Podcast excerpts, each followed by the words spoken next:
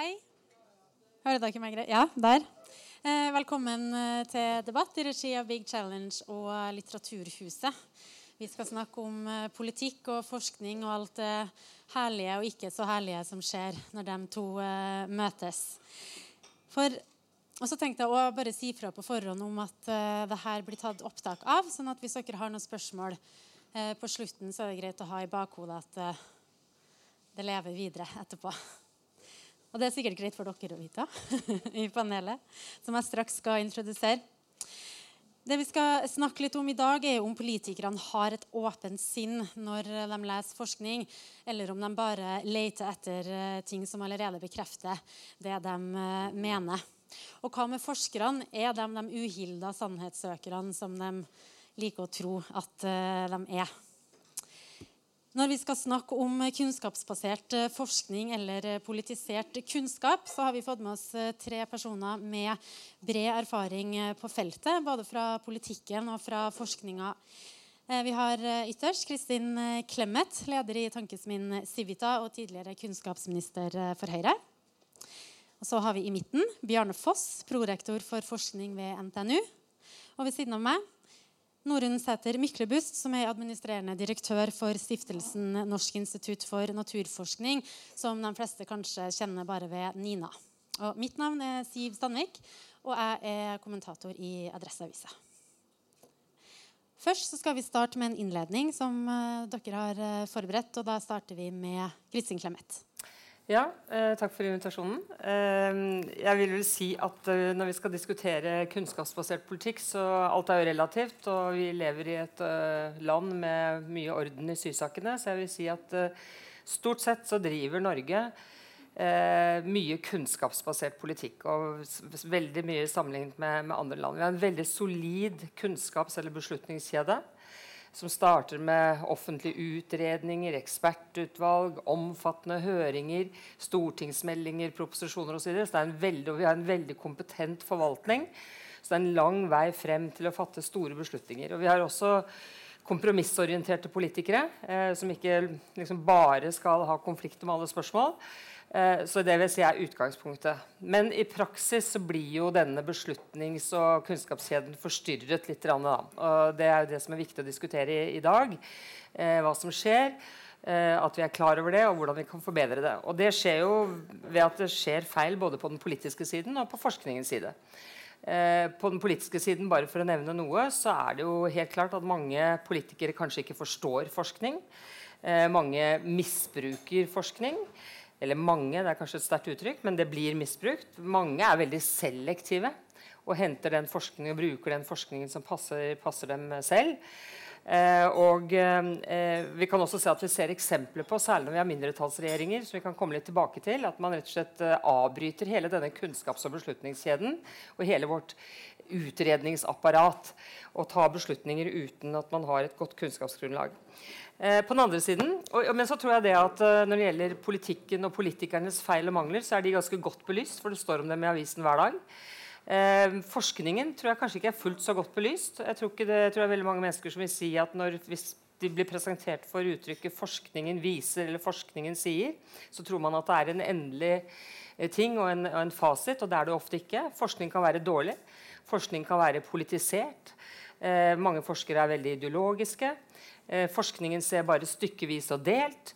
Og, eh, og, man kan også si at det er nok en tendens til også blant forskere til å forstørre de områdene Ofte så er man veldig problemorientert, og for, man forstørrer de områdene man selv er opptatt av, og gjør de større og mer alvorlige enn de kanskje er. Fordi man selvfølgelig også har en egeninteresse av at det skal forskes mer på det feltet. Så, eh, så, så, jeg vil si at eh, det her er bare noen eksempler på at det skurrer litt på den flotte kjeden vår. Og det er ikke det at vi kan fjerne alle disse feilene og manglene. det går ikke an, Men det er veldig bra å være oppmerksom på dem, og det er veldig bra å prøve å forbedre seg. Eh, og det kan vi få til gjennom debatt og samtale, tror jeg. Mm. Samtalen har jo gått en stund. Eh, Bjarne Foss? Ja, jeg må jo nødvendigvis ta det fra et sånn forskningssynspunkt. Ja, da. Siden jeg, det på en måte har vært ganske store deler av livet. Og sånn som jeg tar utgangspunkt i nå, så tenker jeg at den forskninga vi diskuterer her nå, det er det jeg vil kalle i utgangspunktet god forskning, ikke røverforskning. For det, det, det, er ingen som vil ha. Og, og liksom, hvis jeg tenker forskning, så tenker jeg det er to måter å kategorisere på. Det er liksom den anvendte forskningen, som er drevet av noen problemstillinger. På NTNU så kan det være drevet av en problemstilling som Hydro har, som de ønsker å forbedre. Det kan være noe som uh, SalMar har. De har en svær uh, merd ute i havet. De trenger noe ny teknologi, de trenger noe ny, kunnskap for å, å, å, bruke dette. Eller det kan være sånn som når vi samarbeider med Trondheim kommune og gjøre noe med spesielle deler av, av, eh, av skoleverket. Den andre delen det er den, mer det vi kaller eller fri forskning, nysgjerrighetsdrevet forskning. Eksempel på det hos oss det er jo moserne. Hva er det de ønsker? De ønsker altså å finne ut liksom på en måte Forstå kognitive funksjoner i, i hjernen. Forstå de bedre. Hvordan, hva, hva, som er, hva, som er, grunnlaget for de. Så er spørsmålet da noe som jeg tenker på, det er dette her med dette med bindinger. Og jeg vil nesten si det sånn at det, helt fri forskning, det fins ikke. Alle har vi noen bindinger. De som driver og jobber anvendt, de vil nødvendigvis eller på oppdragsforskning, de vil nødvendigvis ha noen bindinger i den måten forskningsprosjekter er innramma på. Altså hvilke forskningsspørsmål har vi? Hva er premissene som, som, som legges til grunn? Det blir veldig forskjellig hvis hvis vi har et forskningsprosjekt som skal se på konsekvensen for ørna ute på Frøya i forhold til hvis vi skal se på i forhold til vindmøller, i forhold til hvis vi skal se på det i en sånn stor energimiks nasjonalt. Så det er ganske sånne, sånne, store forskjeller der. Så man kan eh, bestille forskning, men man kan ikke bestille forskningsresultat hvis det er ordentlig forskning. Det kan man ikke gjøre. Sånn at, eh, men så er det det der med, med den nysgjerrighetsdrevne, den forskninga som er drevet av forskeren sjøl, den, den, er jo kobla til det indre verdisettet. Altså Det er et indre verdisett. Det, det, ligger noe under der. Og til tross for dette med akademisk frihet, som er kjempeviktig, og som bare må ligge der, så er det noe med at, med at det er noe som former det. Det kan være både ut ifra at man ønsker å fremme et felt. Det har å gjøre med finansiering senere i, på en måte i livet å gjøre. Så det er mange aspekter av det. Så når det gjelder det der med, med formidling, så er jeg, jeg ser bare liksom, Forskninga er en kjempestor, forskningsresultatet er en kjempestor godtepose. Altså Folk kan plukke i den der godteposen, og det er de ikke helt sånn disiplinert på alle. Altså Du kan, finne, liksom, du kan ofte finne det som, er, som passer deg. da. Så det å ha en disiplin i forhold til hvordan du bruker det, og når man løfter det fram og så sier hvilke premisser er det som ligger til grunn, hva er det som på en måte er utgangspunktet, og da vil jeg kanskje et lite sånn eh, til, til pressen. Altså, eller Hvis jeg ser på det utenfra det, økonom, nei, det politiske systemet i Norge, så er de veldig relativt edruelige. Det vil jeg si. Men så er det noe som heter pressen, og så har du dynamikken mellom politikerne og, og pressen. hvor man, pressen, altså hvis du har et problem, så, så, så, så, må du på en måte ta stilling til skal jeg være på den sida av gjerdet eller skal jeg være på den sida av gjerdet. Du får på en måte ikke lov til å være oppå gjerdet lenge nok. Du må liksom ta et standpunkt. Og det er klart, Dette her med at uh, nyansene ofte blir borte inn mot beslutninger, det, det syns jeg er en, en, liten utfordring. Og En annen utfordring Vi har denne Big Challenge-festivalen nå, som går på tredje dagen. I går hadde vi Stephen, uh, Stephen Fry. Veldig interessant. Og liksom et av de retoriske spørsmålene er liksom, hvordan oppfattes forskningsresultatet i dag. Er det som et hvilket som helst annet utsagn? Altså, vi har, det, er no, det er noe vi må verne om her. Det er noe vi må, vi, vi, må, vi må, løfte opp. og det er klart En sånn institusjon som jeg representerer, universitetene i Norge, vi må bidra til det. Og det er jo litt av det vi prøver på også i, det, i forbindelse med denne festivalen, hvor dette med kampen om sannheten er en av de viktige ingrediensene. da. Takk skal du ha. Eh, Myklebust? Ja, takk. Jeg må si jeg har, mye, jeg har kloke debattanter i lag med meg. Og eh, mitt eh, utgangspunkt er jo å være direktør for et anvendt institutt som driver oppdragsforskning. NINA er et eh, miljøinstitutt. Vi har hovedkontor i Trondheim. Og jeg bruker å kalle oss for naturforskningens Sintef. I Trondheim så har jo alle et godt forhold til Sintef og vet hva de driver med. Og vi er organisert på samme måte som en privat virksomhet. Vi forsker på natur og grenseflata natur-samfunn. Og I den grenseflata mellom natur og samfunn der er det mye naturressurskonflikter. Jeg kan nevne rovvilt og landbruk, havbruk og villaks, vannkraft, vindkraft. Og midt oppi det landskapet der så jobber vi med anvendt forskning. Det er også slik at uh, mye av den kunnskapen som vi leverer, det havner i Stortinget og på politikerne sitt bord. Så vi er vant til at uh, politikerne håndterer forskningsresultatene våre. Men vi er også vant til at lobbyister og andre interessenter er inne og diskuterer med politikerne og prøver å diskreditere forskninga vår. Og vi er vant til at uh, forskerne våre blir utsatt for uh, kritikk. Og nå må jeg bare si det, kritikk av forskning er viktig. Altså Det er det som driver forskninga framover. Men vi erfarer også usaklig kritikk og på grensa til sjikane. Og det er ikke greit. Det at uh, kunnskapsproduksjonen vår uh, er så tett på beslutningstakere, det innebærer òg et stort ansvar som vi kjenner på. Det at våre forskningsresultat har stor betydning for eh, lokalsamfunn, samfunnsøkonomi, eh, enkeltpersoner, næringer, bosetting. Det innebærer at vi må, være, vi må ha høy kvalitet i forskninga vår. Og vi må ha høy grad av integritet blant forskerne. De må forstå det landskapet de beveger seg i. De de, det er ikke nok å være knallgod på statistikk og biologi, men du må faktisk òg skjønne samfunnet og hvilke drivkrefter som påvirker faget og forskningsresultatene. Til sist så er jeg veldig opptatt av at uh, forskerne skal drive god formidling. For det er klart, I dagens samfunn så bombarderes politikerne av eh, informasjon.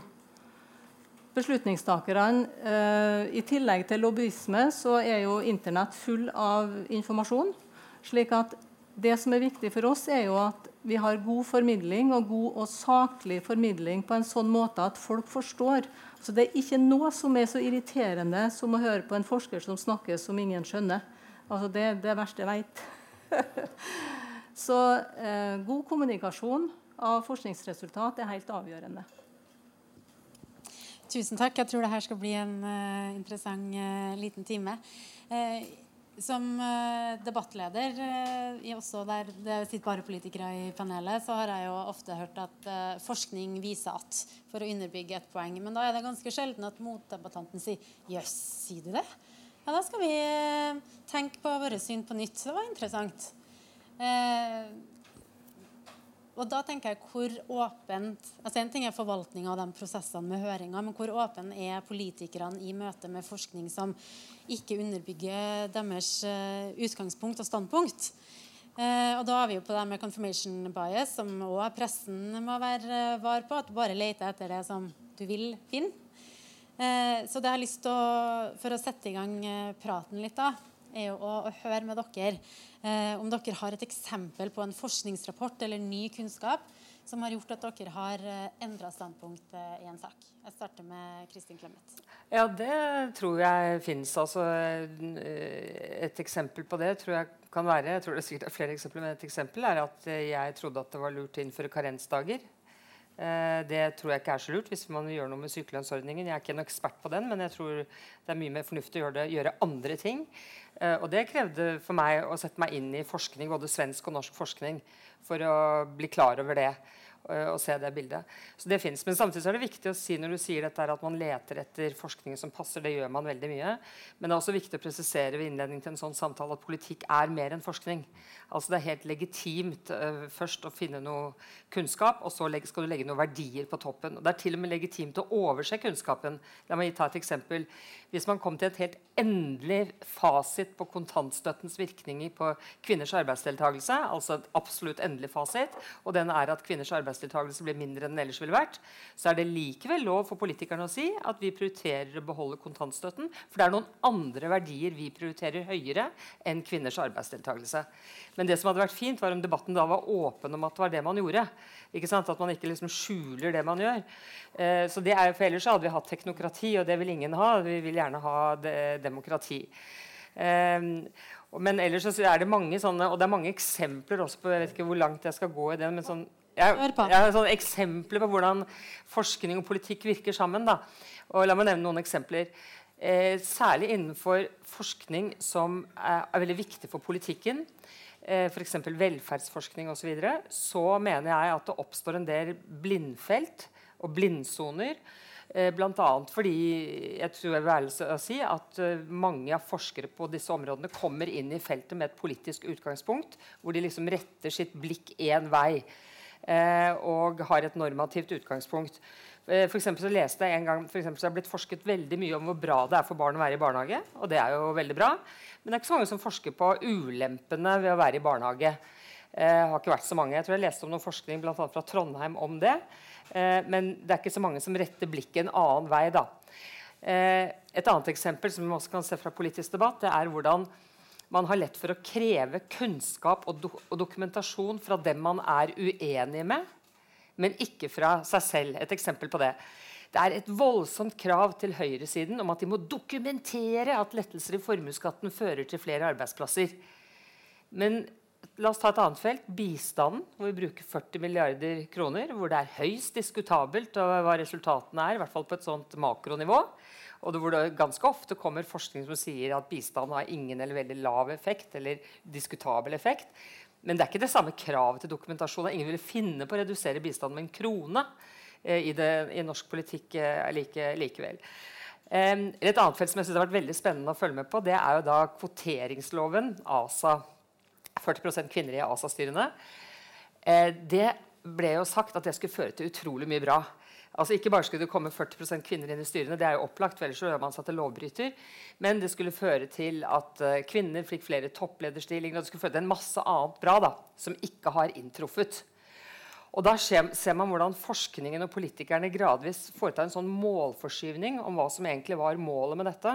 Og når endelig forskningen er avsluttet, så er det to mål som er nådd. Det ene er 40% kvinner i ASA-styrene. Eh, altså, og bedriftene skulle bli mer lønnsomme. og det var masse som skulle skje. Ingenting har skjedd, men vi har fått 40% kvinner i ASA-styrene. Og i tillegg så har vi nådd et annet mål som ingen tenkte på, nemlig at vi har blitt verdensberømte. Eh, sånn at Forskerne og Ansgar Gabrielsen, som jeg satt i regjering med, som fant på dette her, de reiser verden rundt og reklamerer for denne loven. Og Det var et, en helt uintendert virkning som ingen tenkte på, men som nå presenteres nærmest som et resultat. Eh, eller f.eks. heldagsskolen. Jeg har masse flere eksempler. Heldagsskolen er et godt eksempel som nå er oppe til debatt. Jeg har til gode å se noen forskning som forteller meg at det bidrar til å utjevne forskjeller. heldagsskolen. Men det brukes som et argument for å innføre heldagsskolen. Kan godt hende det kommer sånn forskning. Og jeg har bare lyst til å si, så jeg ikke prater hele tiden her, at, at jeg syns det der, eh, begrepet 'alternative fakta', som kom fra hun der medarbeideren til Trump Alle ler jo sånn av det, men jeg har tenkt noen ganger på var det så gærent sagt. fordi det er litt av det som skjer i dag, mener jeg. At det er mange konkurrerende sannheter om samme fenomen. Sånn at du kan si én ting som er sant om et fenomen, og så kan du si noe helt annet som også er sant om det samme fenomenet. Og dette gjør det faktisk eh, eh, altså Noen fakta er fakta, men allikevel det dette tror jeg faktisk gjør det litt vanskelig for politikerne også å vite hva de skal, eh, hva de skal gjøre i enkelte tilfeller. Et siste eksempel er lærernorm. Den ble jo innført uten utredning. Eh, og jo, Der hadde man satt i gang kjempesvære, dyre forskningsprosjekter for å finne ut om det under gitte betingelser kunne være bra med økt lærertetthet. Og den forskningen ble nærmest avbrutt fordi premissene forsvant, liksom, eller forutsetningene forsvant gjennom et vedtak ble, det, et vedtak, altså Det var jo forhandlinger mellom eller de borgerlige partiene.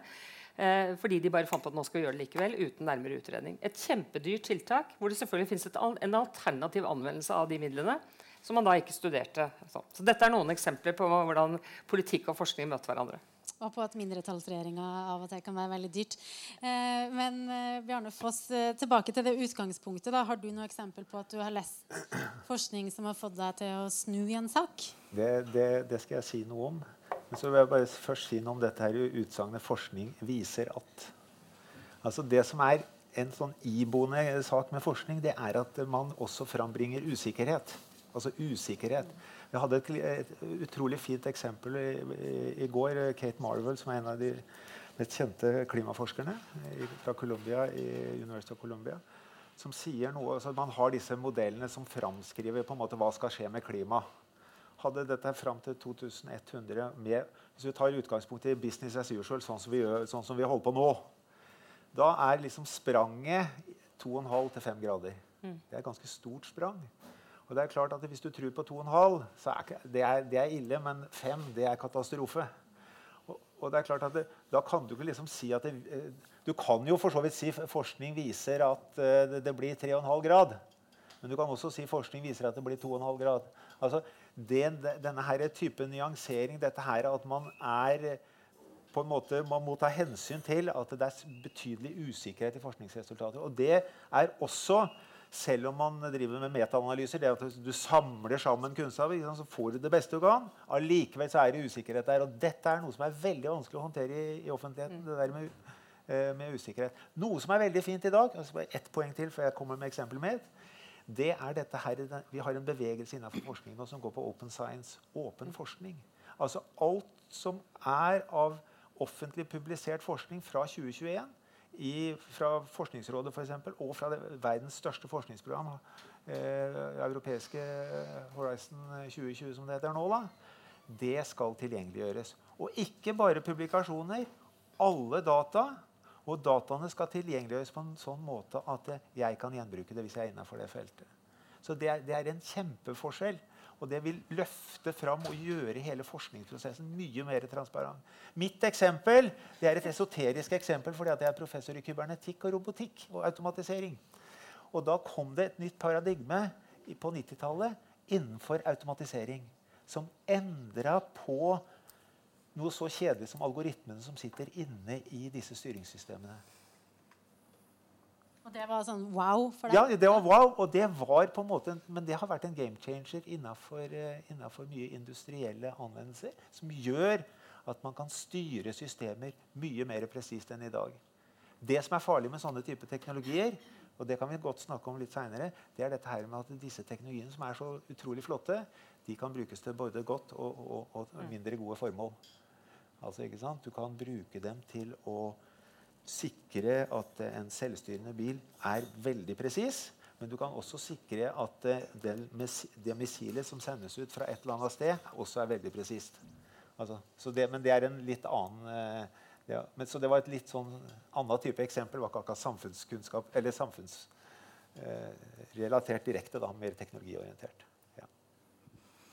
Jeg går rett på eksempelet, eh, for jeg måtte virkelig tenke meg om.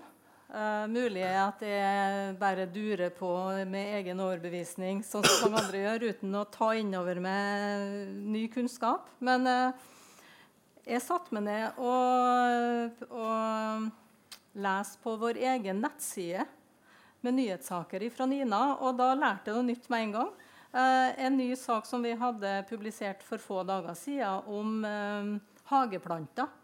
Jeg, har, jeg, liker veldig godt å gå på gartneri, og jeg har masse planter i hagen min. Jeg har en diger tujahekk som vi planta for en del år siden. Eh, det som jeg las på Nina sin nettside, er at det er altså millioner av blindpassasjerer til Norge med hageplanter. Ja. Med, I jordklumpen til hageplantene så finnes det altså eh, så mye eh, insekter og planterester og frø og andre ting som er fremmed for norsk natur. Heldigvis er det mange av de artene som ikke overlever her, men noen gjør det. Og eh, med et varmere klima så er det også muligheter for at flere eh, overlever. Og kan bli da et, eh, et økologisk problem og et samfunnsproblem, og kanskje også et økonomisk problem hvis det er skadedyr. Det gjør at neste gang jeg går inn på et gartneri, så må jeg tenke meg nøye om. Nå leser jeg heldigvis eh, i, i, denne nyhetssaken at forskerne mine skryter av norske gartneri. At eh, det er høy fokus på det, og at de ønsker å redusere risikoen for eh, fremmede blindpassasjerer. Men jeg lærte noe nytt i dag som følge av det spørsmålet jeg fikk på forhånd. Ellers så har jeg lyst til å knytte en kommentar til eh, forskere. For eh, vi liker jo å si det at forskere er objektive. Forskning er objektiv. Men forskere er jo folk, dem òg. På lik linje med dommere og med alle andre som skal opptre objektivt. Og, og, det der er viktig å være klar over at alle mennesker har jo egne meninger. Men når du driver forskning, så må du jobbe etter anerkjente metoder. Og heldigvis så er det med åpenhet og åpenhet rundt data eh, det kommer for fullt. Og det gjør også at forskninga i enda større grad enn før kan etterprøves de virkemidlene og de mekanismene som er kommet og som er på full fart, vil gjøre, det gjøre forskninga bedre og tryggere. Men I forbindelse med det da, Myklebust, og med oppdragsforskning så har det jo vært særlig innen medisin en del eh, skandaler der eh, forskningsresultat eh, som viser at et legemiddel er farlig, f.eks., har blitt lagt i skuffa. Det har også endt med, med dødsfall. Eh, hvis dere, Nå lager jeg bare en hypotese som vi journalister er mye bedre eller mye glad i å forholde oss til hypotetiske problemstillinger enn andre. Men jeg prøver meg likevel. Hvis dere hadde funnet ut da, på oppdrag fra havbruksnæringa at eh, et stoff som de eh, brukte, var farlig for folk, og så ville oppdragsgiver bare holde det skjult Og forskninga var jo gjort på oppdrag fra dem. Hadde dere kunnet gått med på det, eller hadde dere sagt fra og publisert likevel? Eh, kunne, altså hvis det hadde vært farlig for folk, så kunne vi, kunne ikke vi ha gått med på det. Og, men uh, da ville vi ha gått uh, i møte med dem og forklart dem. Og det var kanskje litt søkt eksempel. jeg er ganske sikker på at det ville vi ha fått på bordet. og så har vi jo måttet diskutert f.eks. hvem er det som skal kommunisere den nyheten. Er det næringa sjøl, eller er det vi som forskningsinstitusjon? Eh, opplever dere noen gang at uh, dere har så mange oppdrag fra offentlige etater, og for så vidt fra næringslivet, at uh, de leter etter et bevisst svar, og at de gir dere et, et oppdrag som, der de vil ha en viss type konklusjon? Og hva gjør dere i så fall da? Det som er viktig, er jo at vi går nøye gjennom vilkårene for et oppdrag og de problemstillingene som skal belyses. Eh, og så må jo vi ha en etisk standard på vårt arbeid som gjør at eh, altså, eh, Man kan bestille forskning, men ikke, forskningsresultat. Det blir useriøst hvis man går inn og er så til de grader kjøpt og betalt. I tillegg så er det viktig å, å altså Som leder så er jeg veldig opptatt av at vi har en bedriftskultur som innebærer både høy etisk standard og kunnskap om forskningsetikk. Og et godt arbeidsmiljø med gode kollegaer som eh, er med på å kvalitetssikre både bestillinger og forskningsresultat. Eh, apropos det med arbeidsmiljøet i eh, akademia og i forskningsinstitusjoner, så var jo du litt inne på det, Clemet, da vi snakka sammen på, på, forhånd, at eh, det er ikke alltid den eh, rauseste bransjen.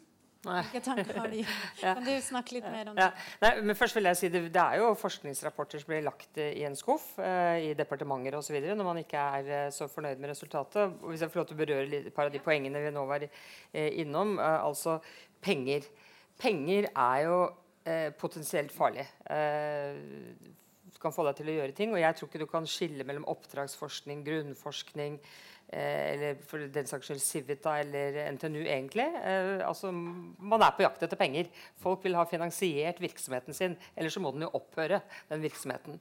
Så eh, det som er viktig, er hvordan du rammer inn måten du får penger på. for å si Det sånn. Det kan dreie seg om åpenhet, det kan dreie seg om å legge premisser, deres etiske premisser for å kunne ta et oppdrag. I Civita har vi vårt system for måten vi får penger på. Eh, så, eh, men det som er typisk ved den norske debatten, er at man tror at private penger er farligere enn statlige penger, og det er det ikke. Altså, det er potensielt akkurat like farlig. Eh, så forskerne vil lø løper i strie strømmer etter pengesekker. Og det, det, som kan være da, igjen kan dette skape sånne blindsoner. Eller man kan si at La meg ta et eksempel. Det forskes veldig mye på terror og beredskap og den typen ting. Fordi det syns politikerne er veldig viktig. Men det er jo ikke egentlig et veldig veldig stort problem. rent faktisk, ikke sant? Men det blir veldig mye penger der, og da løper veldig mange forskere etter det. Og så ser det ut som et mye større problem enn det er. Eh, fordi man løper etter pengene. Det samme ser man på bistandsfeltet. Hvis du får en utviklingsminister som sier hallo, jeg synes likestilling er viktig. Inni alle søknader så står det da noe om likestilling. Fordi man løper etter pengene. Så det er måten man da lager systemer på for å få penger og for å kompensere for de bivirkningene man får i form av blindsoner, at man ikke stiller andre spørsmål osv. Noe annet er det med politiske holdninger. Noe som jeg synes har vært veldig interessant i Civita, er jo at, eh, at det er noen som mener at politiske holdninger er farlige når du sier hva de er enn hvis du ikke sier det. Eh, jeg mener at det, det kommer jo fullstendig ut på ett. Eh, altså, eh, alle bærer med seg verdier.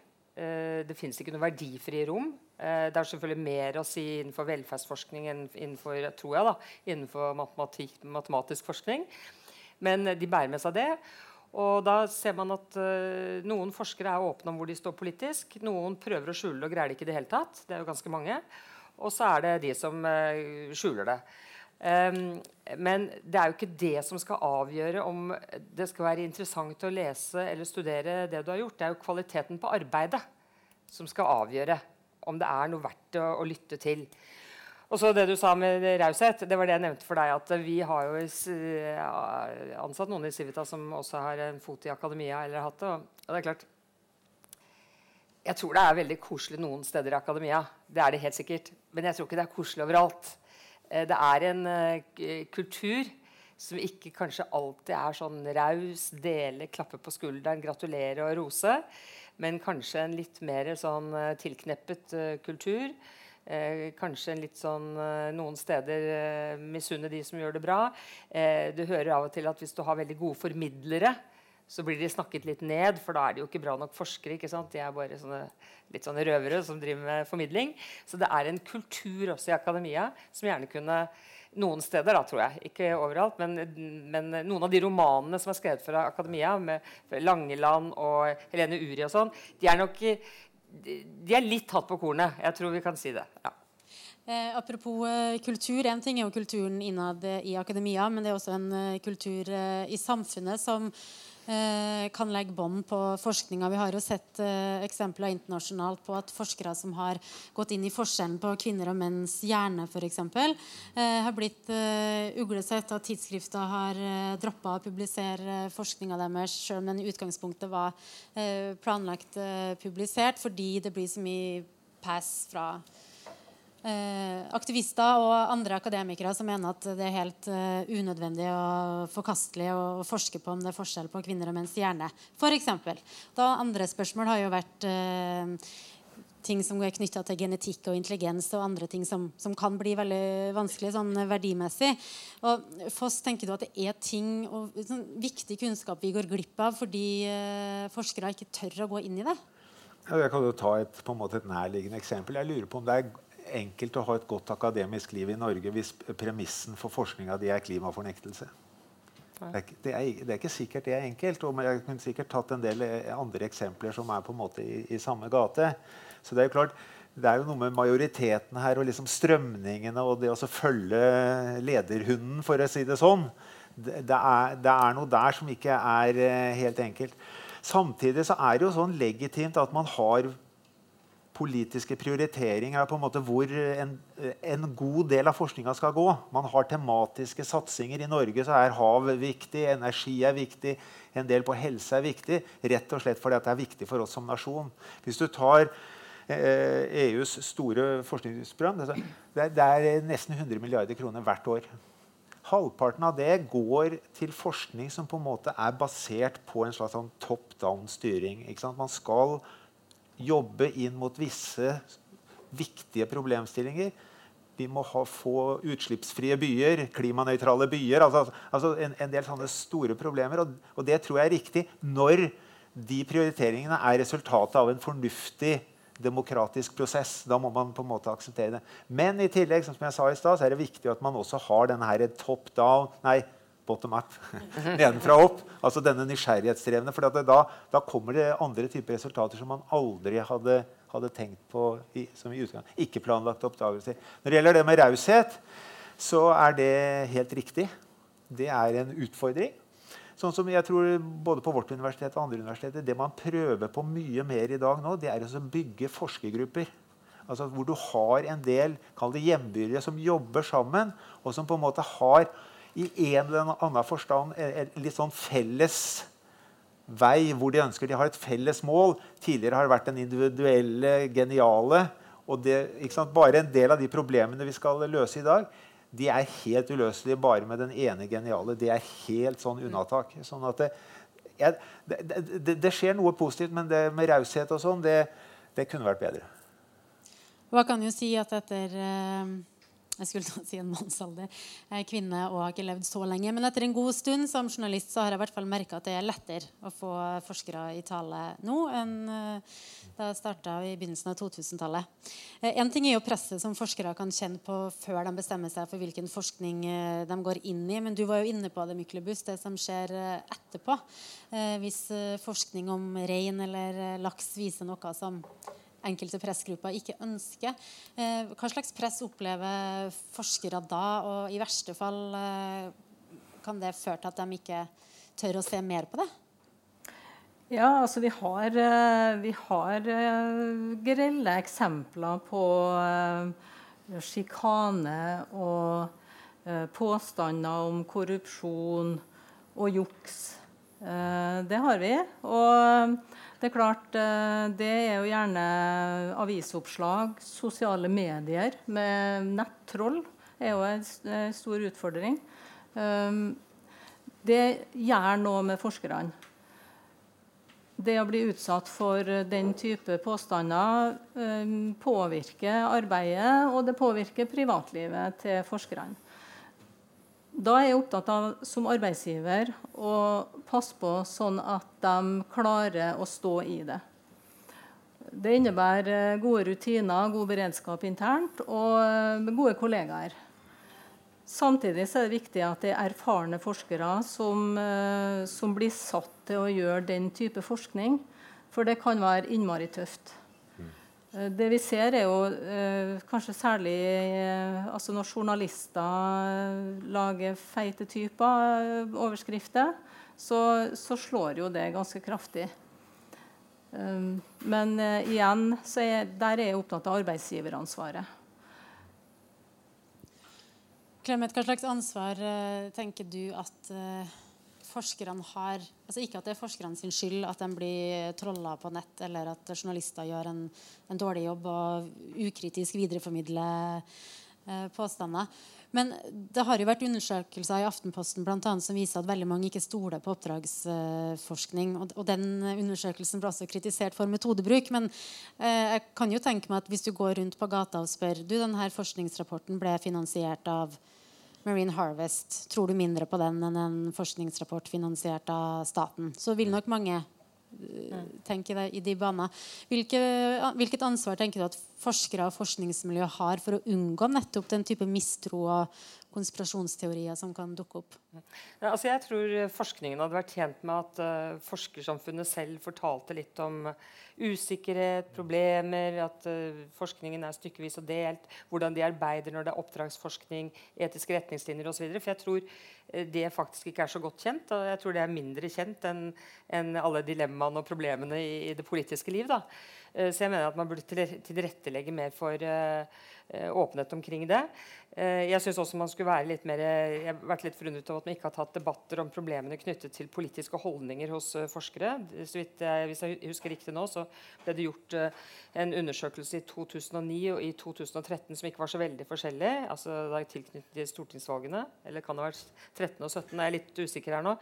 Men blant Forskerforbundets medlemmer, og hvis vi antar at de er noenlunde representative da, for forskerne, så jo de, står jo de langt mer til venstre enn befolkningen generelt. Eh, og det fins jo ikke en eneste forsker omtrent som stemmer Frp. Eh, og alle er jo veldig opptatt av å rekruttere kvinner til forskning. Eh, vel og bra, Men antagelig hadde, man, hadde, jeg vært leder, forskningsleder, så jeg kanskje tenkt at jeg må prøve å rekruttere en Frp-er til forskning. Fordi man ser også at blå velgere de stoler mindre på forskning. Og det tror jeg er fordi man anamer dette her, at det er en eller, liten, en eller annen slagside i måten man stiller spørsmål på. Sånn. Nå snakker jeg ikke om metoder og juks, det må vi hele tiden presisere. Vi snakker om det normative. Du kommer inn i forskningen med hvilke spørsmål du stiller, hva du er nysgjerrig på, og hvordan du deltar i den offentlige debatt. Der kommer også det, eh, det ofte, ofte, frem. Men jeg tror det hadde vært klokt av Forskningssamfunnet å legge frem dette litt, til litt mer åpen debatt. Eh, fordi, eh, sånn at man ikke etterlater inntrykk av at forskning er noe at det sitter en eller annen genial mann og finner ut noe, og så er det endelig. For sånn er det jo ikke. Når det gjelder med rekruttering av uh, Frp-ere, så viser jo undersøkelser at da kunne jo journalistbransjen også gjort en uh, innsats. Så, men uh, Det kan man si. Foss, vi kan jo si det sånn at mens uh, norske politikere av og til slipper litt lett unna med forskning viser, så har de tatt det enda lenger i USA, der uh, Trump uh, i stedet for å si 'many people are saying' Du var litt inne på det i sted med at en mening er en mening, uansett om det er en forsker som har forska på det kjempelenge, eller om det er noen som sitter og venter på bussen, som sier det. Skal vi, hva skal vi gjøre med det da, som samfunn? Hvordan skal vi uten å opphøye forskning som den, det siste ordet og den eneste sannhet, men samtidig beholde respekten for forskning og kunnskap? det er klart, En, en, en kunnskapsbasert eh, samtale og, og, og, beslutninger det er jo selvfølgelig kjempeviktig.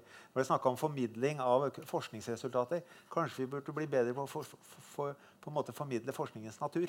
Altså, på en måte Hva betyr å For Når en politiker sier 'forskning viser at', så, så viser det at de ikke skjønner hva de snakker om. ikke sant?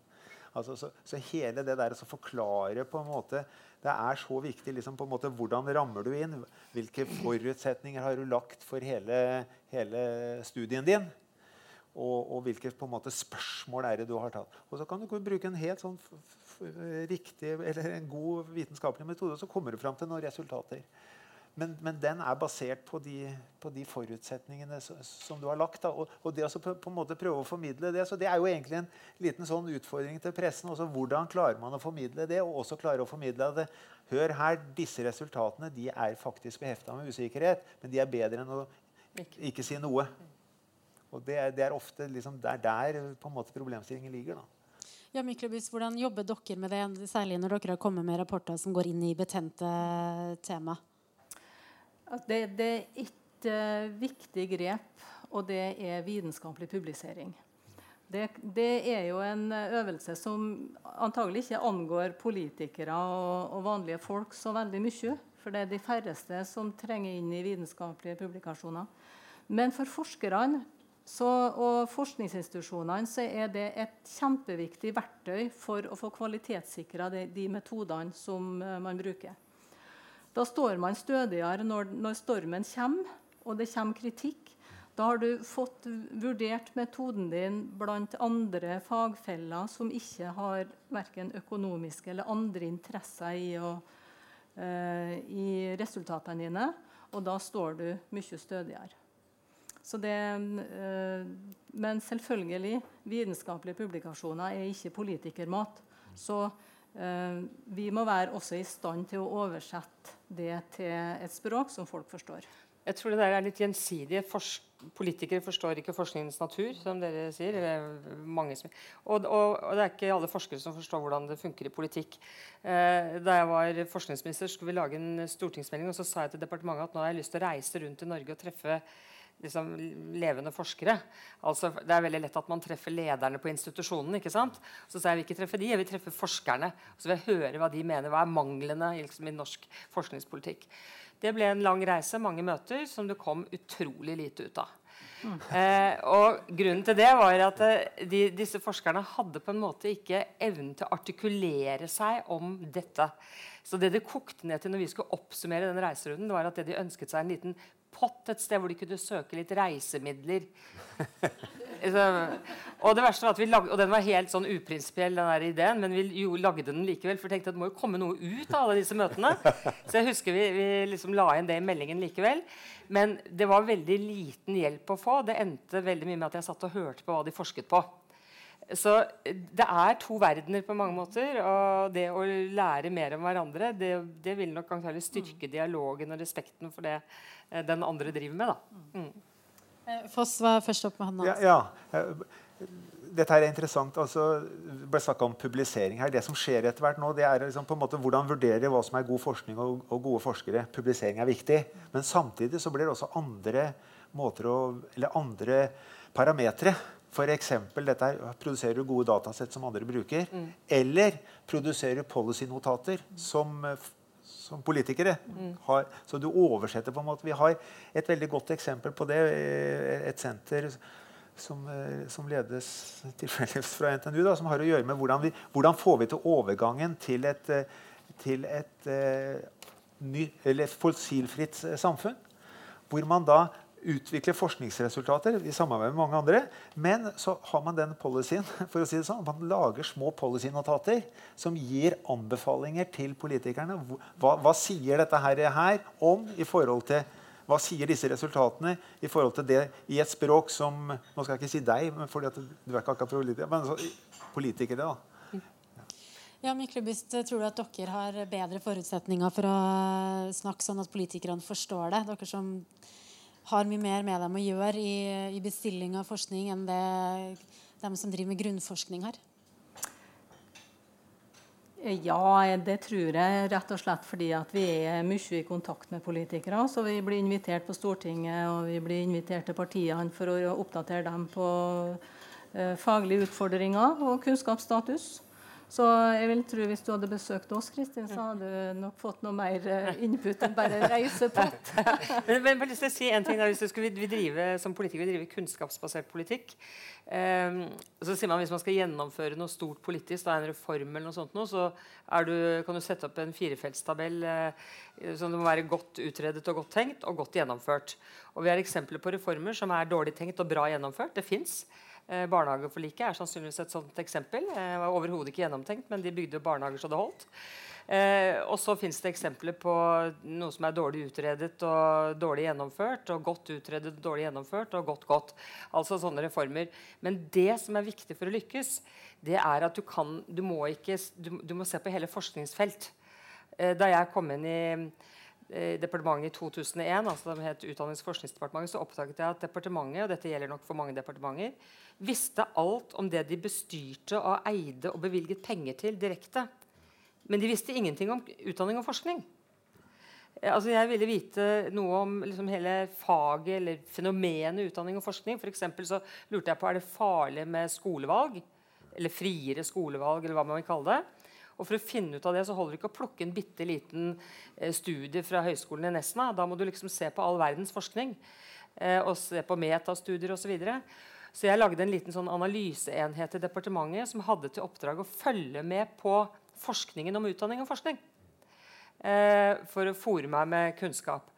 Eh, andre land har løst det på andre måter. at De har kanskje en eh, medarbeider av meg som også selv er forsker. Og, foreslått at, at, hvert departement skal ha en vitenskapsråd, eller at det skal sitte en på statsministerens kontor som oversetter forskning for politikerne. Men det er ikke så vanskelig å gjøre det i hvert enkelt departement. ved å si at, eh, at du vil ha noen som følger med på, på alt. for å si det litt, eh, Da må du jo gjøre det litt eh, overordnet, men det er ikke umulig. vil jeg si. Nei. Men, men det er jo ett Nå tar jeg ordet. Kom igjen. Ja. Eh, for jeg, nå har jeg lyst til å bringe et tema inn, hvis jeg får lov. En utfordring er jo at eh, eh, det blir etterspurt veldig næringsretta forskning, og forskninga skal bidra med verdiskaping. Det, en bekymring jeg har, er at den kritiske forskninga ikke blir finansiert. Forskning som ikke nødvendigvis gir verdiskaping, i hvert fall ikke på kort sikt. Eh, den gir heller ikke næringsutvikling på kort sikt. Eh, det er bekymring jeg har, både på, i norsk forskning, men også internasjonal forskning. Altså Horisont 2020 har også vært veldig på, på verdiskaping. Og jeg skjønner jo det. Altså, Europa lå med brekt rygg, og man ønsker jo vekst og velstand. Men eh, kritisk forskning er vanskelig å få finansiert. Ja, og, og, jeg tror fremover, nå bare for å gi et råd til dere altså jeg, Hvis man ser på liksom bevilgningen til forskning i Norge, statlig, så har de gått pent oppover under uh, statsråder av alle farger. Uh, men jeg tror at man kan regne med, akkurat som det på andre områder også blir mer penibelt nå, så kommer det til å bli etterspurt mer effekt og resultater. Mm. Eh, Finansdepartementet gjorde det massevis da jeg var minister også, men de ble på en måte overkjørt. Men de kommer til å få ørens lyn mer, tror jeg, fordi det blir vanskeligere å prioritere. Og at dere eh, snarest egentlig burde begynne å være kreative på måten dere kan skaffe supplerende finansiering da, til det dere måtte få fra, off, av offentlige midler. For jeg tror det blir, blir tøffere uh, i årene som kommer. Da kan du få avslutte ja. denne uh, samtalen før vi tar spørsmål fra dere. Bjørn ja. Foss, Og så har du sikkert ting du har lyst til å brenne inn med. Det skal du få si. Men, nei, ja, det, jeg tenkte at du også kan, uh, kan, bare svare litt på litt i forlengelsen av det her. Altså, hva blir den største utfordringa både for forskerne og for uh, politikerne som skal bruke det forskerne uh, kommer frem til, uh, når vi skal fortsette å ha en kunnskapsbasert politikk også når budsjettene blir trangere framover.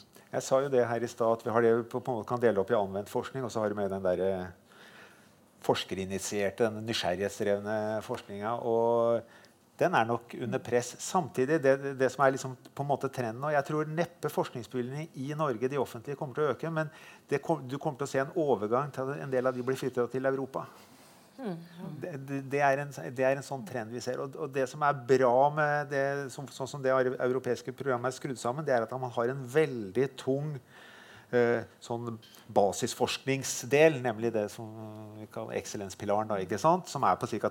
30-33% av, av totalen. og Den tror jeg blir liggende der. Det som er bra med den, det er jo det at eh, det er jo sånn at eh, kanskje 1 eller 2 av for, forskninga i verden den foregår i Norge. 98-99% foregår utenfor. Derfor er internasjonalt samarbeid selvfølgelig kjempeviktig. Og det her er jo en måte at Du kommer inn i nettverk, du får de der koblingene. Hvis du er god her, så får du også kontakt med andre gode, gode miljøer. Så Det er kanskje en, en, noe av den mm. viktigste bremseklossen. Og så er det med internasjonalt samarbeid. En liten kommentar på det.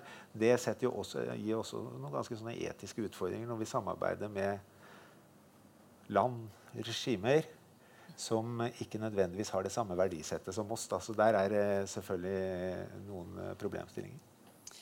Jeg merker at jeg har vært nysgjerrig på det, så hvis noen i salen har spørsmål knytta til det, så nei da. Men nå eh, skal dere eh, få ordet. Da var det en der og en der, i hvert fall. Kunne jeg fått litt hjelp til å, sånn at jeg ikke må Det er i blå skjorte når jeg er jo klar fram til sjøl, men Hei. Ola Dimmen, eh, Besteforeldrenes klimaaksjon. I 2017 så foretok eh, Naturvernforbundet en opptelling av hvor mange miljøråd regjeringa hadde fulgt i forbindelse med tildeling av nye leteblokker. Og i et resultatet de hadde ignorert alt. Det var miljøråd fra Miljødirektoratet også. Så regjeringa legger bort alle miljøråd. Og nå holder vi på i Barentshavet, stort sett uten effektive oljevernberedskap, skal vi tro siste rapporten fra eh, Riksrevisjonen. i hvert fall. Så spørsmålet blir hvor farlig er det nå? Hvor farlig er situasjonen nå, når vi har altså en regjering som totalt ignorerer advarsler fra sitt eget embetsverk og fra eh, forskere?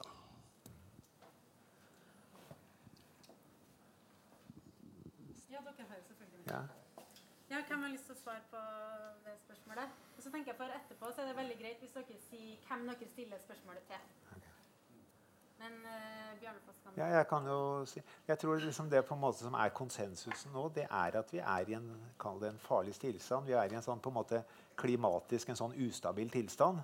Som kan gå i, i, den går i en viss retning, men hvor fort den går, og, og hvor kraftig den blir, det, det, det, det, vet vi, det vet vi ikke så veldig mye om. Et interessant spørsmål i det, som er, som er kommet opp til, over, det er, er, på en måte det med å løse klimaproblemet er det forenlig med, med, økonomisk vekst, eller er økonomisk vekst en forutsetning for oss å få det til? Her er det noen veldig sånn interessante problemstillinger som, som, som, har kommet opp nå. Og det igjen, Der vil man aldri på en måte få et veldig sånn presist svar på det. Det blir en del verdier du legger til grunn for det. Men samtidig så er det også viktig å liksom få løfta den type debatt. For det er klart, vekst gir muligheter til å gjøre ting. Hvis man, spesielt hvis man er teknologioptimist. Men eh, det, vekst har også noen sånne iboende problemstillinger. Du tar mer arealer, altså du får mindre av den opprinnelige naturen. altså Det er en del sånne typer problemstillinger. Så det er i hvert fall noen sånne interessante problemstillinger rundt dette her. Ja, altså, jeg kan ikke kontrollere det du sier, men jeg tviler på at det er riktig. At man overser alt og gjør ingenting. Eh, jeg tror det, helt at det er litt farlig, det som den retorikken som sprer seg nå, om at ingenting skjer, politikerne gjør ingenting. Det er om å gjøre å få panikk, for det stemmer rett og slett ikke. Eh, jeg tror ikke det leder til bedre politikk at eh, det sitter igjen kanskje unge mennesker som tror at politikerne gjør ingenting. Men det vi kan si om klimasaken, jeg er ikke noen ekspert, det er at den har vært ganske vanskelig å problematisere for journalister og politikere. For den har på en måte ikke Konfliktaksene har ikke vært tydelige eller klare. Og spørsmålet er om de kommer nå. For nå vokser klimasaken i velgernes bevissthet. Og da er jo spørsmålet hva slags klimadebatter får vi da? En åpenbar debatt som må komme, er jo skal vi ha negativ vekst, eller er det forenlig med eller tvert om nødvendig med vekst? Ja, ja. Miljøpartiet De Grønne går inn for negativ vekst. Det er selvfølgelig en dramatisk ting å gå inn for. Man kan si at det, det, det vil de, det, det, men, men jeg, jeg vedder hodet mitt på at det er ikke mange i Norge som har tenkt over implikasjonene av det. Vi kommer til å få debatter om er, skal vi selv hovedsakelig ha ansvaret ved å fly mindre og spise mindre rødt kjøtt, eller er det hovedsakelig et politisk ansvar? Vi kommer til å få en debatt om skal det være eh, eh insentiv, positive insentiver, gulrøtter à la elbilpolitikken, eller skal vi straffe med å prise og legge avgifter på? Det er mange typer av konflikter. Jeg skrev en kronikk i Aftenposten om dette for en stund siden, om typer av konflikter vi kan få. Skal vi stenge ned olje- og gassvirksomheten nå, eller om fem år? Eller, eller er det en fordel for verden at vi holder det gående fordi alternativet i Afrika nå er at de åpner haugevis av kullkraftverk osv. Poenget er at disse konfliktene kommer eh, opp nå. Og da tror jeg vi vil se eller jeg vet jo ikke, men jeg tror vi vil se at, uh, at vi kanskje kan se litt ulike typer av klimapolitikk hos ulike partier. Tydeligere enn vi har sett før. Og uh, jeg tror også vi må si at uh, også når det gjelder klimasaken, så er det avveininger man må gjøre. F.eks. så er det jo de som mener at vi bør avvikle demokratiet eller deler av demokratiet for å føre god klimapolitikk. Altså Jørgen Randers har vært innom dette. Eh, det er ikke noe jeg er tilhenger av. for å si det sånn. Så det er, eh, det er reelle avveininger der. Eh, så når det gjelder akkurat det du sier om alle anbefalingene og det, at de har oversett alt, sånn, det kan jeg rett og slett ikke kontrollere. Men jeg syns det høres rart ut. da, jeg må si det. Ja, ja da, men det er jo Altså, det er uh, mange det, altså, uh, det, er mange grupper i samfunnet som har sterke synspunkter på ting. Og innenfor miljø- og klimafeltet så er det til og med mange organisasjoner som er uenige seg imellom. Uh, det er forskjell på Zero, Bellona, Naturvernforbundet osv. De har jo ulike meninger om veien til målet. Så, så, det er jo et mangfold av, av meninger her om hvordan man, man når frem. da. Ja, jeg skjønner hva, du, skjønner hva du, sier, men OK. Det er Ja. Det var et spørsmål der borte også. Var det ikke det? Eller var det bare noen som prøvde seg? det er bra. Nei, OK. Det to. Beklager, jeg sendte deg feil vei. Hei, jeg heter Tora og jobber innenfor Telekom nå som selvstendig næringsdrivende. Eh, når jeg hører det med forskning og politikk, så savner jeg det mellompunktet, og det er brukerne. Og jeg tror spesifikt for eh, det med kunstig intelligens, bare ta det som eksempel, så forskerne jobber med sine ting og sånn og sånn og sånn. og så er vi som brukere redd for å, det personvern og det ene og det andre og det tredje og det fjerde. Mens det med forskere å jobbe sammen med brukerne, så brukerne får vite hva slags muligheter som ligger der. Oi, ja, men det har vi ikke tenkt å Går det an? Og så akkurat motsatt vei. At det hva slags behov er det egentlig brukerne har? Så den sammenhengen mellom brukere og, og, forskning Og så må vi finne ut at dette er løsningen vi går for. Og så må disse politikere og så videre være enige om de strategiene og, og veivalgene vi gjør. Så den koblingen der, den savner jeg eh, mye i dag, da. Spesifikt fra forskning, hvis jeg kan stille spørsmålet der.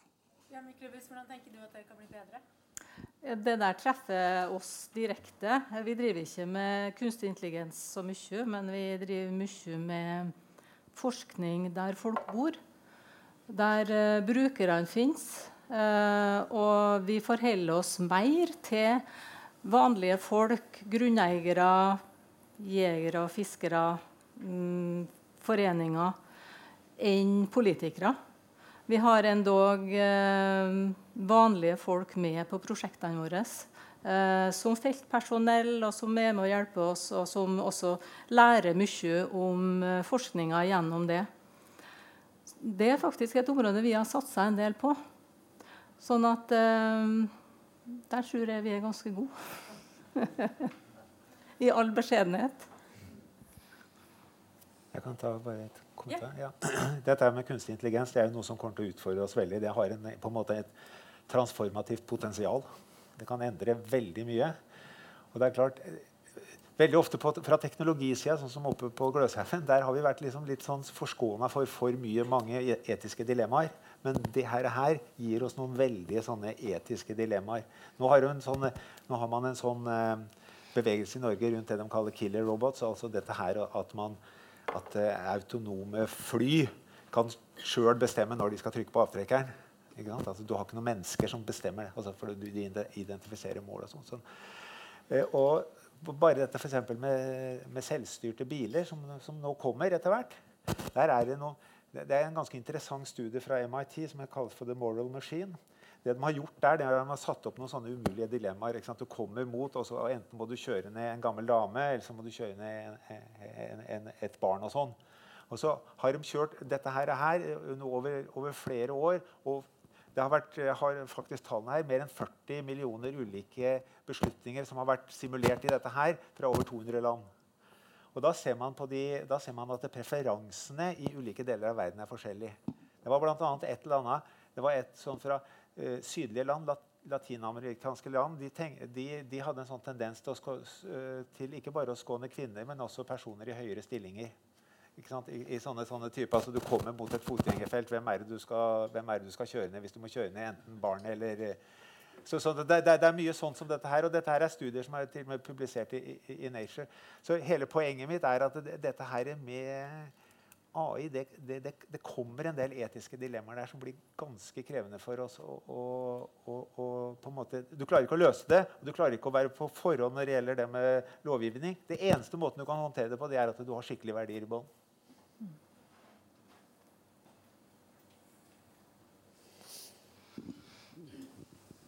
Hei.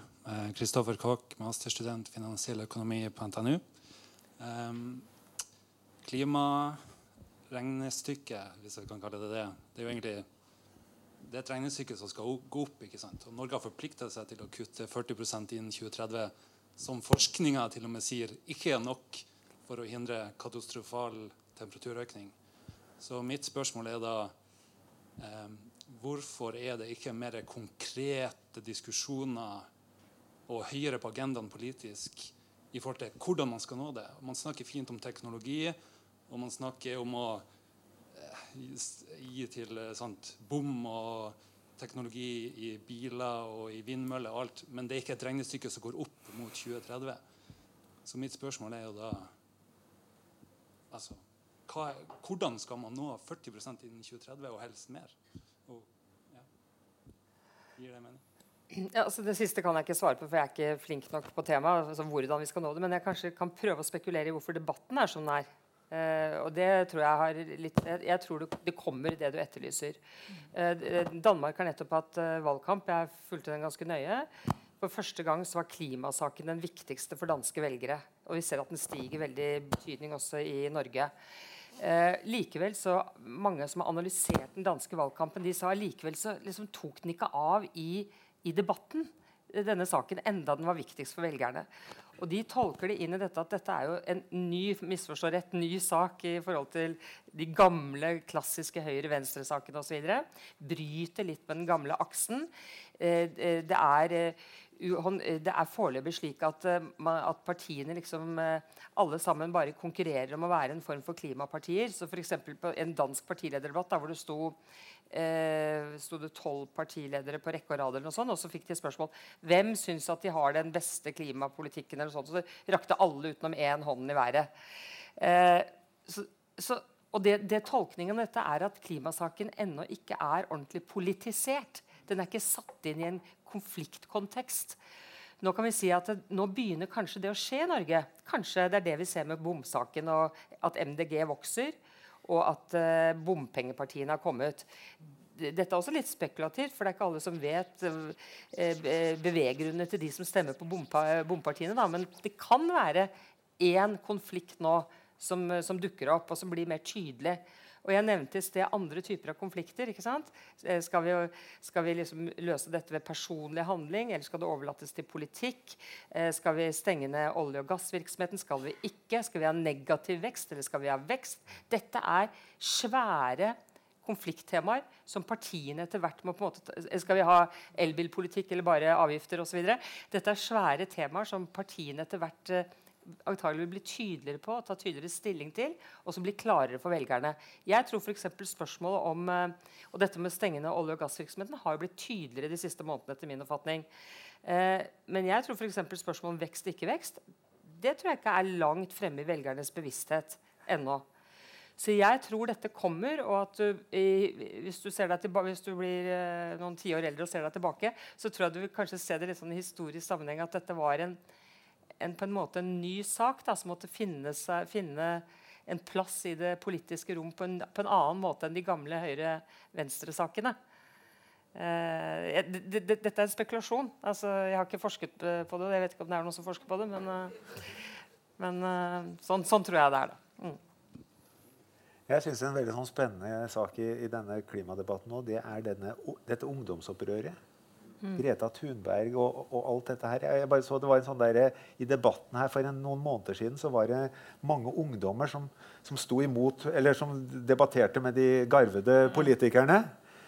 Og det ble en annen dynamikk i debatten. altså. Altså, De var veldig på. og De, for, altså, de forsto ofte hva, hva er det du sier for noe.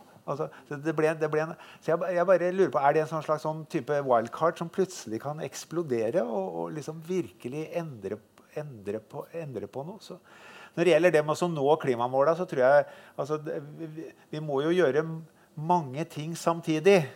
Og det som er bra når du gjør mange ting samtidig, det er at du ofte får multiple eh, synergier. Da.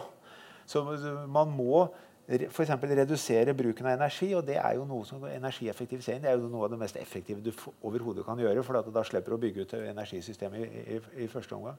Du kan redusere energibruk i industriell sammenheng. Du kan få måte, du kan, du kan suge CO2 på en måte ut av atmosfæren ved, ved å bruke sånn eh, carbon capture og, og storage. Du kan fange CO2 og så kan du lagre den ned i våre reservoarer ute i Nordsjøen f.eks. Så det, det, er jo flere ulike Her er det jo Kommer vi til å få en debatt om atomkraftverk? Ja, og det kom faktisk i går. Ja. Det var veldig interessant på, på, på denne Big Challenge. Er det, altså Hvis du bygger et atomkraftverk i dag så er det sannsynligvis så sikkert at det er helt sikkert. Det er et lagringsutfordring men hvis, hvis, man håndterer det. Men det er noe som på en måte ikke er på agendaen. Men Frankrike er nesten 100, eh, nesten 100% atomkraft, kjernekraft. Tyskland avvikler det.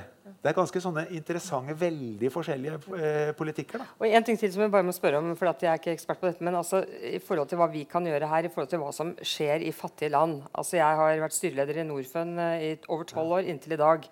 Og vi driver og bygger ren energi og mest fornybar energi i fattige land. Man kan ikke forestille seg noe annet. Det kommer til å eksplodere i de landene, bl.a. når det gjelder kull.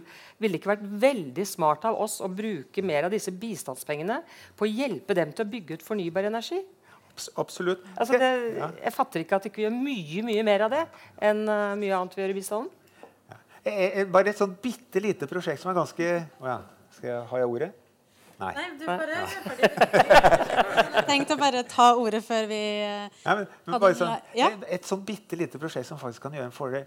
Altså, i, i, Afrika eller mange land så, så, brennes det utrolig mye ved. Man henter ja. ved ikke sant? For, å, for å varme, for å koke, opp, koke mat på kvelden.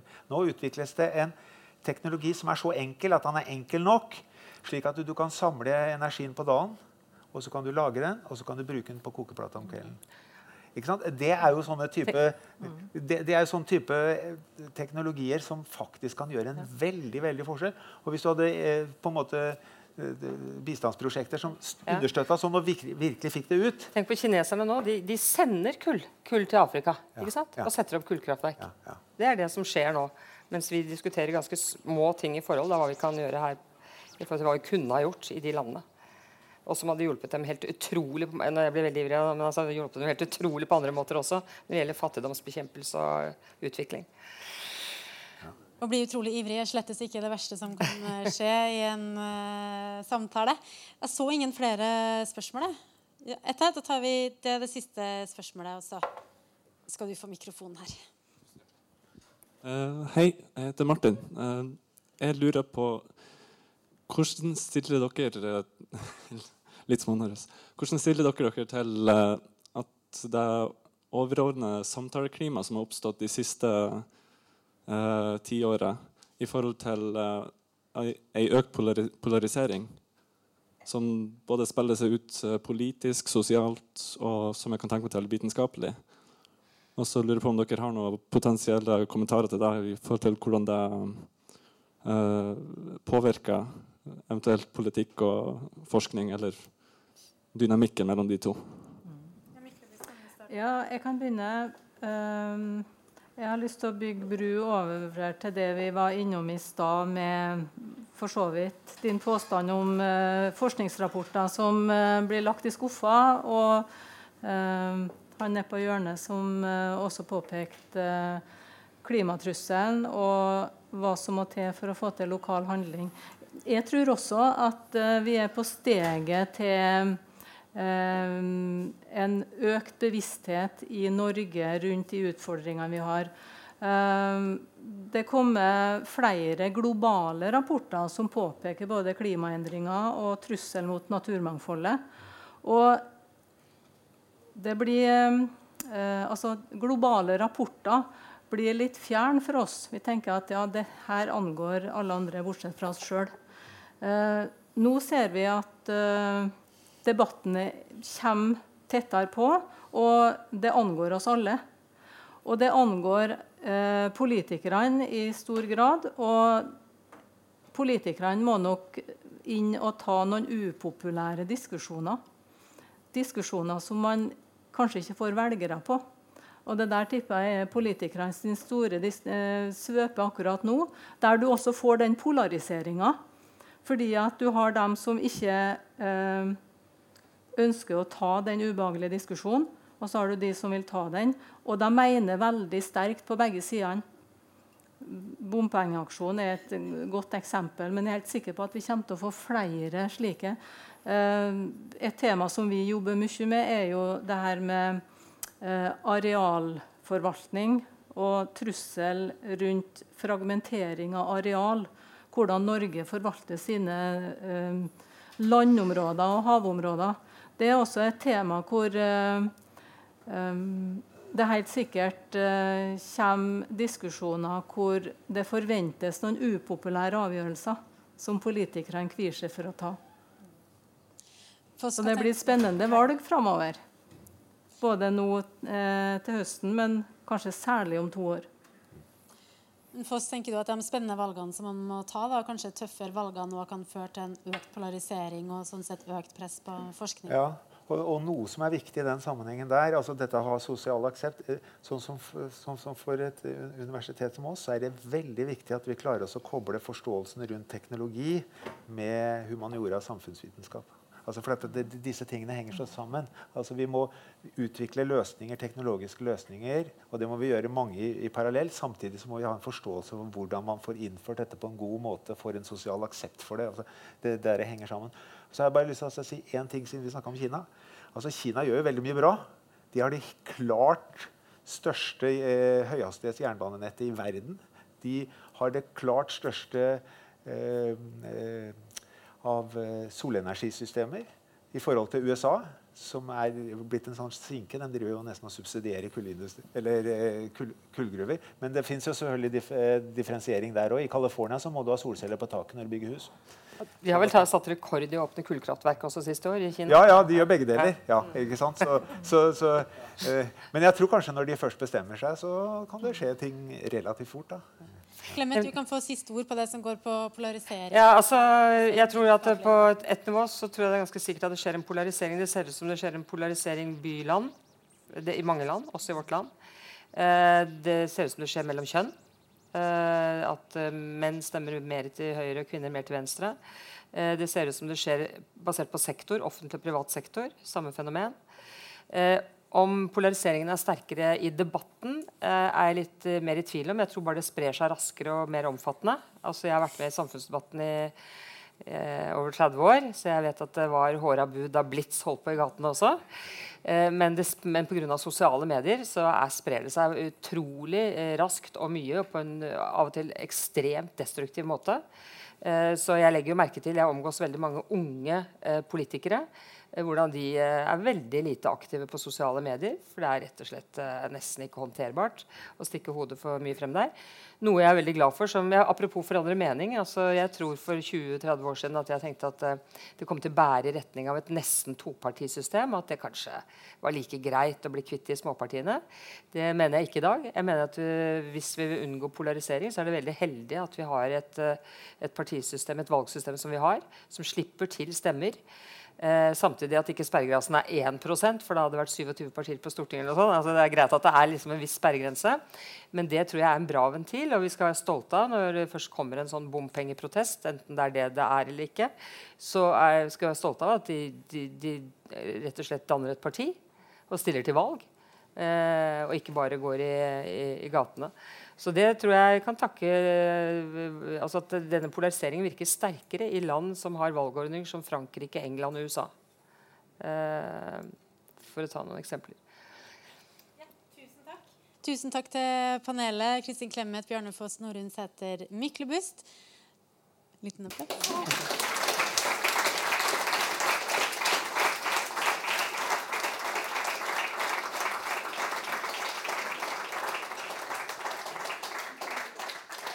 Og takk for oppmøte og gode spørsmål.